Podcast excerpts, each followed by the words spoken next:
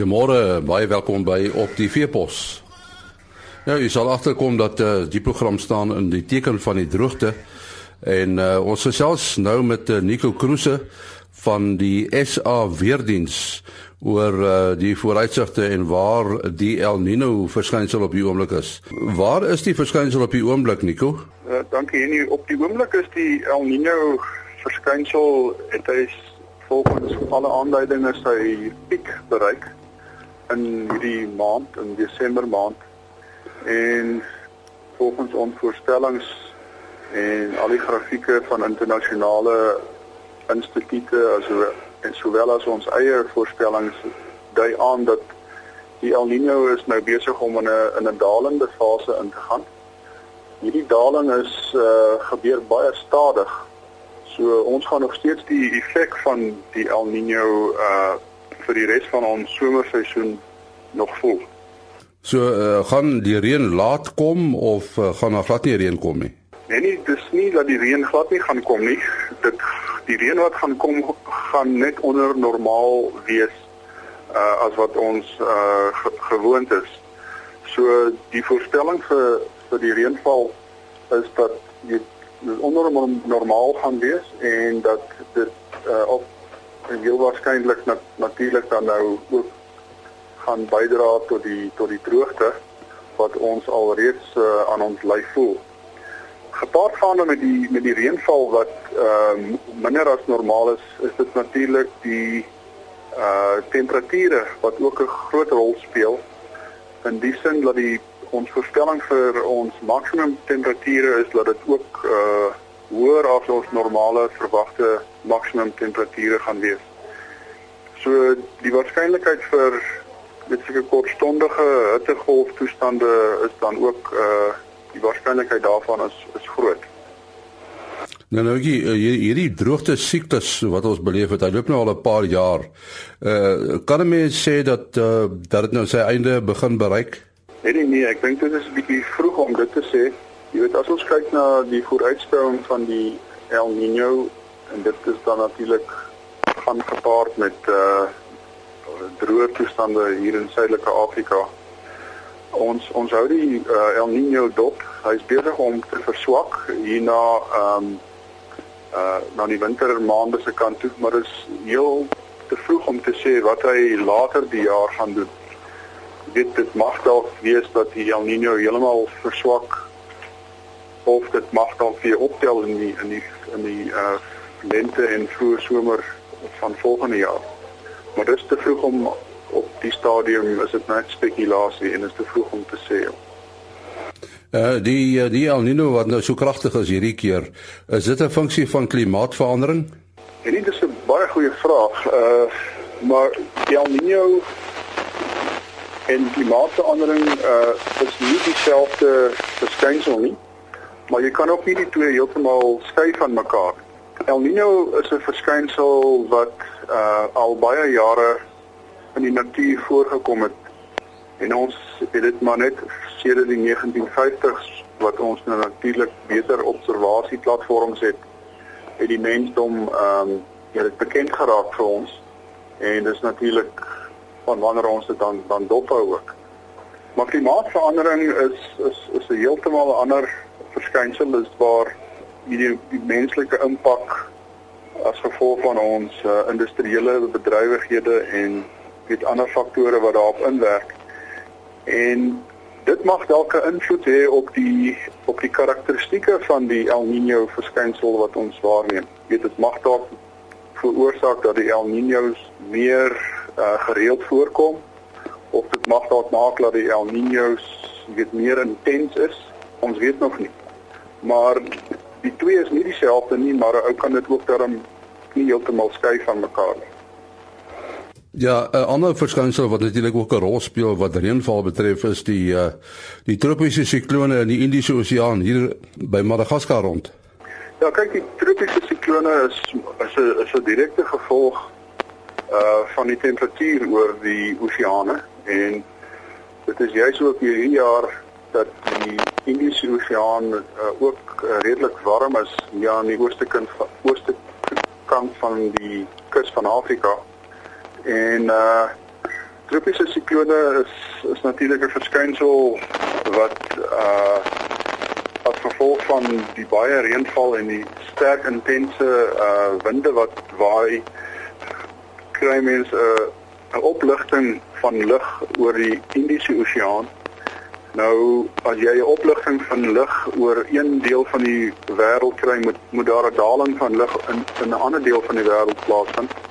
En ongelukkig vind daai daling van lug oor oor oor Suidelike Afrika plaas. En dis waarom ons dan ook hierdie dalende lugtoestande ondervind wat baie stabiele toestande tot gevolg het en en dan die droogte as as 'n resultaat daarvan. Ja, ons sê baie dankie aan Nico Kruse van die weerdiens, die SA weerdiens. Ons gaan nou verder gesels oor die droogte en uh, ons praat eintlik uh, oor die die werklike impak, die lang slagtande van die droogte. En ons praat met uh, Frikkie Marie, uh, veeplase vakadviseur vir plaasbestuur en finansies. Hy is ook 'n dosent in landbouekonomie aan die Universiteit van die Vrystaat. Nou uh so iets soos die droogte wat ons nou beleef, die die uh kan baie verder uit as wat mense algemeen aanvaar, nê, nee, Frikkie? En nee, ja, die droogte, ek dink die, die mense wat onmiddellik deur die droogte op die oomblik die meeste beïnvloed word en wat vir die eerste keer in 'n baie lang tyd regtig besef wat droogte is, is die ouens in stede wat gebak gaan onder waterbeperkings. Um skielik kan jy nie meer jou gras nat maak nie, jy mag nie meer jou kar was nie en almal klaar daaroor en daar sprake van um water shedding wat hulle noem wat hulle soos met die krag net sekere tye water gaan gee. So baie mense is nou skielik bewus van 'n droogte wat vir 'n lang ruk nie bewus was nie. Maar die impak daarvan op die stedelinge is egter nie so groot soos op die boere nie en om um, omtrent daar sekere provinsies ek weet die Oos-Kaap is redelik mooi ensovoorts maar die grootste gedeelte van die land is dit die boere wat egter tot die stadium bitterlik swaar kry om um, die ouens kan nie plant nie. Maar as net nie genoeg grondvolg het, die wat kan plant gaan op die oomblik 'n redelike groot risiko aan want hulle weet nie van die opvolgreën nie. En dan die veeboere aan die ander kant, dis die weiding vertrap in 'n stof en um daar kort regtig goeie reën om weer die weiding te kan herstel. En dan word die landboubesighede natuurlik ook beïnvloed.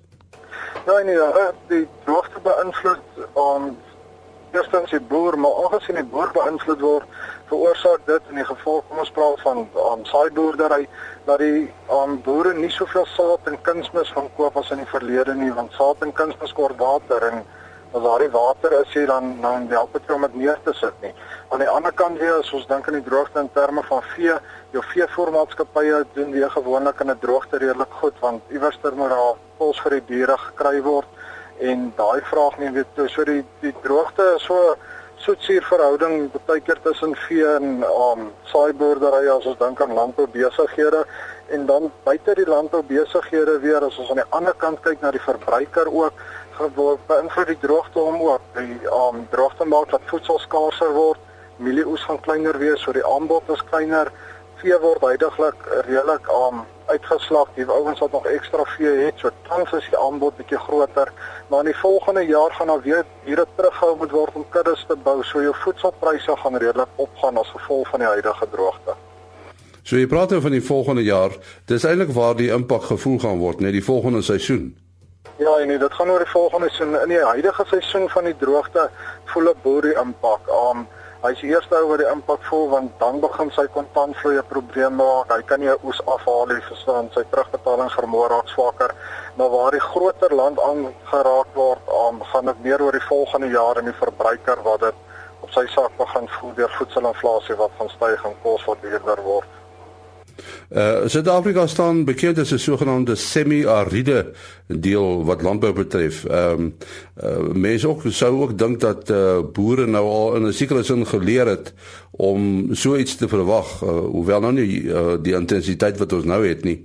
Maar ek dink uh, boere weet al dat uh, dinge kan uh, uh, verkeerde pad loop nie. Ja, en nee, dit is baie waar um, ek dink as Suid-Afrika ons almal weet ons ken droogtes droogtes kom in siklusse ons is al deur 'n hele paar almal is nie altyd ewe groot nie. Maar soos jy noem Suid-Afrika semi-aride deel so mense verwag dat dit iewers droog gaan wees. Maar aan die ander kant as ons dink aan die afgelope paar jare is dit baie lank terug wat ons 'n baie ver bo gemiddelde reënvalseisoen gehad het. So indien dit droogte vir 1 jaar of dalk 2 jaar hou, dan kan die ouens dit nog weerstaan. Maar as dit jaar op jaar op jaar voorkom, um, ek wil amper praat van die binnevet wat jy in die goeie jare opgebou het in jou besigheid. Daai geld word weggevreet en jy kom op 'n punt waar jy net nie meer kan aangaan nie. En ek dink ons is nou op daai punt waar boere regtig vir 'n paar jaar lank al swaar kry en net nie meer genoeg binnevet oor het om hulle deur die laaste ruk ook te vat nie. Ja, miskien is daar 'n troos dat uh uh aangesien die droogte nou al in oor 'n hele paar jaar kom, kan 'n mens dalk sê mense is aan die einde van die droogte siklus. Ja nee, ek hoop mens kan dit sê.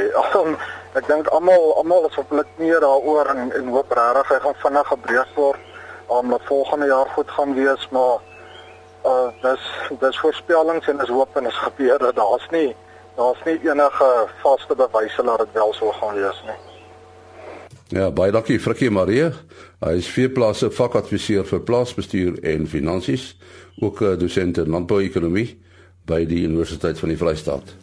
Dit is dan al wat vandag betref. Môreoggend om 4 voor 5 is ons terug. Tot dan, alles van die beste.